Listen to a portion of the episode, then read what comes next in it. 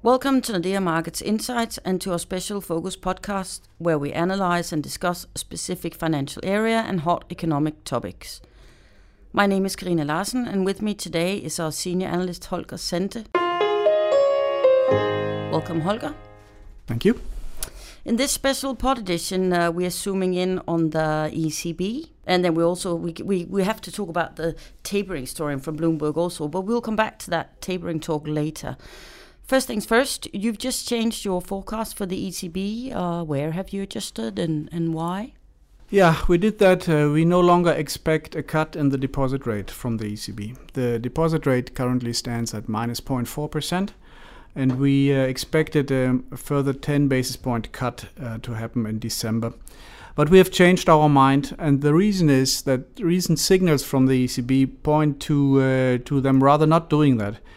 Uh, there's all this debate about what negative interest rates and, and low interest rates in general do to bank profitability, and more generally, the debate on whether so low interest rates for long actually do more harm than good. So, our, our feeling and, and clear impression is uh, that the ECB will not risk uh, going down further into negative territory. That said, we don't think the ECB will exclude such a step for the future. They will say that, that all instruments and also lower rates uh, remain available for the future and could be used, but we don't expect that to happen. So rates have bottomed in our view. Mm-hmm. Yeah, because there were some ECB people out and saying that the euro rates will remain low for some time, but not negative. Is that so? Yeah, that is uh, that was very uh, recently. Uh, will remain low for a long time. That's standard language and this but not negative that is a new twist from actually from today or yesterday yeah oh, okay okay um, so uh, we are talking an extension of its current QE program, or do you expect ECB to put an end to further policy easing in the near future? No, no more rate cut in our view doesn't mean the end of policy easing. Uh, we still expect the ECB to uh, to buy bonds for longer than they have announced for now. The, the current program runs through to March next year, and we expect an extension of these purchases um, by six months, so to September next year, about, about a year from now. And we expect the ECB to announce that uh, in December. And in order to make that possible, in order not, not to run into a scarcity of bonds, the ECB has to change its own parameters of the QE purchases and specifically, we think that the ECB will also buy bonds with a yield lower than the current deposit rate. Uh, that would ease the ECB's constraints and that would make it actually possible for them to buy through to March and then, as we think, half a year longer. Mm-hmm. Is that sort of market consensus, or are you alone with that? Six mm, months? Uh... Yeah, well, that I would say that was market consensus. But recently, the the whole debate about the ECB has uh, has gotten a, a, hawkish twist, and that's because of the tapering talk uh, that we had uh, after this Bloomberg story last week, mm-hmm. and also because um, uh, Mario Draghi the other day he said uh, that he expects inflation back on target in late 18 or early 2019. And then, if you expect that, one could of course ask, so why then ease monetary policy mm-hmm. more? Yeah. So it was consensus, but it has become a bit more uncertain. Okay. So if we go back to last week's Bloomberg story about the ECB reducing or tapering its asset purchases, this story created quite some turmoil on the financial markets. So, so what do you make of the story? Like, was it that really that big a news, or? Well, uh, yes and no. Uh, okay. Uh, that's an economist answer. Yes yeah. and no. Uh, no, because I think tapering that it will happen at some point that is close to a no-brainer. I, I think that's a matter of course that the ECB will will not stop from one day to the other, or the other alternative to tapering would be uh, buying assets uh, forever. Mm and I think both is uh, is would be very bad for financial stability, buying forever or tapering from one day to another. So tapering uh, that will happen at some point. We don't know when, mm. and everyone should know that. And that's why it was a surprise uh, that this Bloomberg story about an informal consensus in the ECB about tapering that that uh, weighed on markets quite heavily with the Italian spread rising and 10-year bond rising by 15 basis points. So that was a, a surprise. But I found the story uh, a, a, bit thin. I mean, an anonymous uh, source within the ECB Mm. saying that, that there is a tapering consensus, and you saw the ECB people out afterwards uh, saying we haven't discussed. Uh, uh, tapering uh, n- n- neither officially nor on the floor nor over dinner. so, um, but maybe at the ECB they are not too unhappy about this tapering story being out because now people um, are actually m- were made aware of the fact that Yeah. rates can also go up, and that's al- always good for a central bank to to have market participants that are aware of the of the risks. Mm. And then also, I guess it's a reminder to people that bond prices and yield can go both ways. E- It's, uh, exactly, exactly. yeah, an eye opener. I I expect uh, tapering to happen next year after this prolongation of the QE program. Uh, maybe in a year from now, they could start uh, tapering. And, and why is that? Um, I think the ECB will rather um, tend to, to err on the side of cautiousness.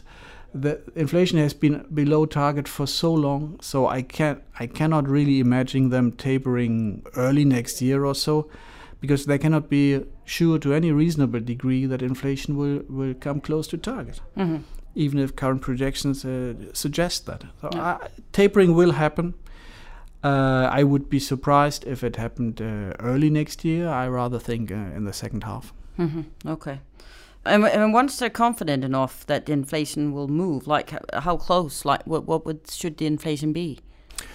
Well, their target is uh, close to two percent, below two percent, but close to two. They they changed that a few years ago. The old target was below two, and I actually think this old target was the better one because uh, below two could also imply one and a half is okay. So they Mhm. would have a band. So inflation right now at 0.4 percent, that would be uh, uh, less far below target if they had a bit broader um, target. I they look a lot at inflation expectations derived from surveys or derived from markets. I think these expectations will pick up during the next few months, as also inflation will pick up Mhm. due to to base effects uh, from energy. But for example, an inflation rate at uh, 1.2 or 1.5, I, I, I'm not sure that's enough for the ECB to, to say, okay, uh, mission accomplished, job done, Okay. uh, stop asset purchases and high grades. Uh, I think they will be very cautious. Okay. So, but in in general, do you think there are any risk involved in the ECB's very easy monetary policy, or what's your view? Yeah, I would say there are risks. I mean, nothing comes uh, without a cost or without a price. And th- the first is the the effect on banks. The ECB. I mean, it's not the ECB policy is not the only reason for low rates in the world because rates are, are, are low everywhere. But low rates and a flat yield curve that is a burden on banks' profitability uh, as far as they live from interest rates. Um, there's also the fact that the, the effect of low rates or expansionary monetary policy on demand is, is not that clear. I mean, the basic reason for expansionary monetary policy is you want to support private consumption, you want to foster investment. But for example, if you look at Germany, private households, um, they are net creditors, so they earn money on interest rates. And if interest rates go down, they earn less money. Mm. And if they have a savings objective for their pension, for example, and rates go down, then they increase the share of income they save. So, at least in countries like Germany, also the Netherlands and Austria, maybe, uh, lower interest rate can mean uh, weaker private consumption. And then I think there is some good reason to fear that um low interest rates from the from the ECB or low interest rates in general have something to do with the low growth in productivity that we see in, in, in Europe, but, but it's also a more global phenomenon. A lot of companies, under these conditions, uh, a lot of companies can survive that wouldn't survive under higher interest rates. And maybe it's not the most efficient companies that survive. Mm. So, so some call that the zombification of the economy. Uh, maybe that, that goes a bit too far to, to basically call them the Maybe walking picture. Yeah. the the Walking Dead. Uh, yeah. uh, I mean, I'm, I'm happy for everyone who still has a job in these Walking Dead companies. So Mm. uh, I don't see it only negatively. But Yeah. um, low interest rates maybe uh, they contribute to, to low productivity growth, and Mhm. and that's why the ECB is, uh, in my view, absolutely right in in saying uh, we can't cure all the economic evils uh, of Europe or of the world. It's also up to other politicians, to uh, governments, to Mm. do something about fiscal reform, about structural reform. Um, and I think people in the ECB are, are very aware of, of these risks.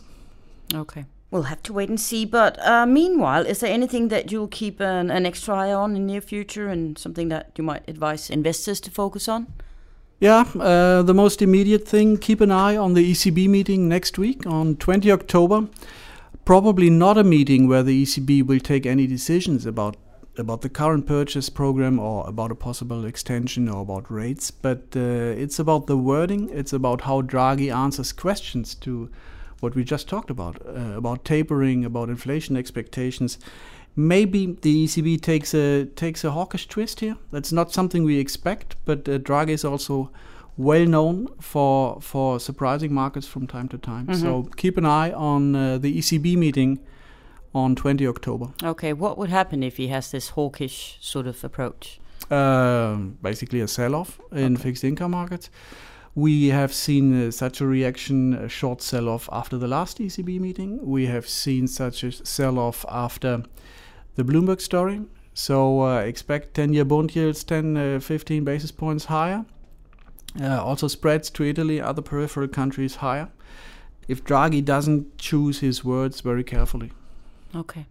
Well, interesting. We'll just have to wait and see what Draghi says and how he says it and everything. Um, and meanwhile, thank you, Holger.